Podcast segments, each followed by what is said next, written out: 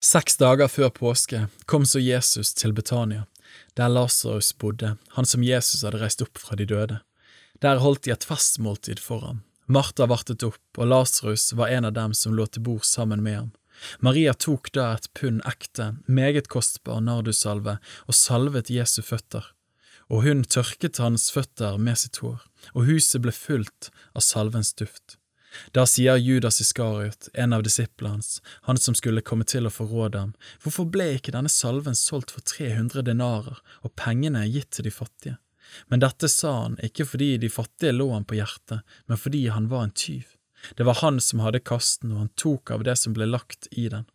Jesus sa da, La henne være, hun har gjemt den til dagen for gravferden min, for de fattige har dere alltid hos dere, men meg har dere ikke alltid.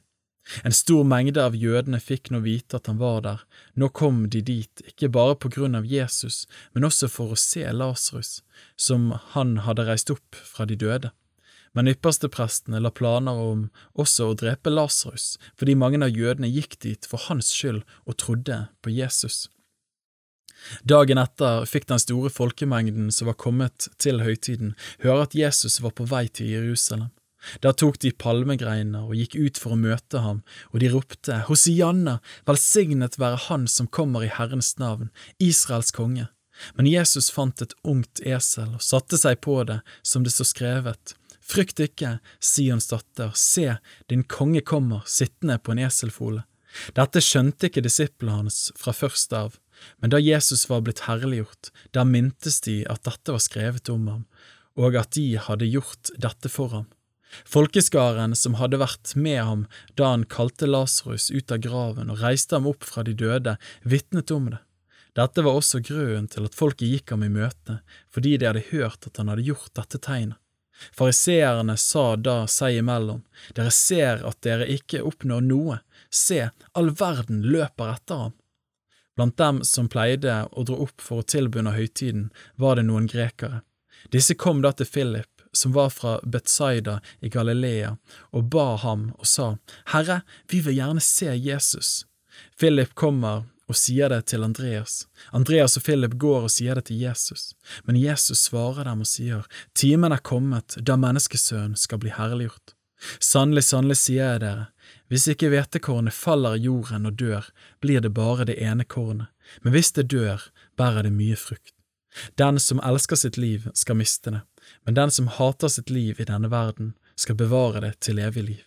Den som vil tjene meg, han må følge meg. Der jeg er, der skal også min tjener være.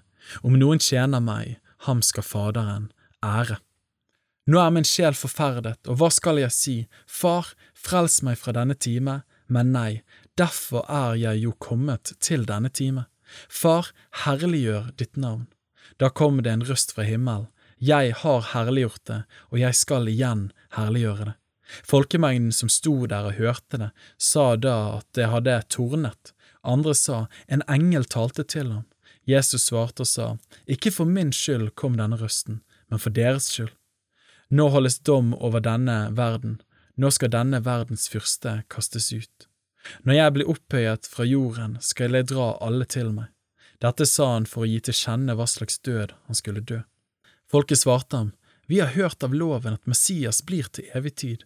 Hvordan kan du da si at menneskesønnen må opphøyes? Hvem er denne menneskesønnen? Jesus sa da til dem, Ennå en liten stund er lyset blant dere, vandre den stund dere har lyset, for at ikke mørket skal komme over dere. Den som vandrer i mørket, vet ikke hvor han går hen. Tro på lyset mens dere har lyset, så dere kan bli lysets barn. Dette talte Jesus og gikk bort og skjulte seg for dem. Men ennå han hadde gjort så mange tegn for øynene deres, trodde de ikke på ham.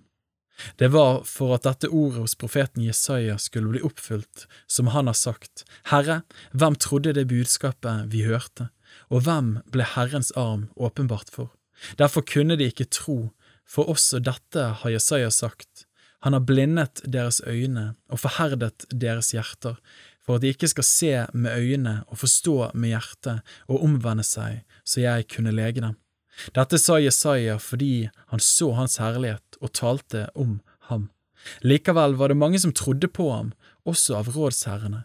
Men for fariseernes skyld bekjente de det ikke for at de ikke skulle bli utstøtt av synagogen, for de ville heller ha ære av mennesker enn ære av Gud. Men Jesus ropte og sa, Den som tror på meg, tror ikke på meg, men på ham som har sendt meg. Og den som ser meg, ser ham som har sendt meg. Jeg er kommet som et lys til verden, for at hver den som tror på meg, ikke skal bli i mørket.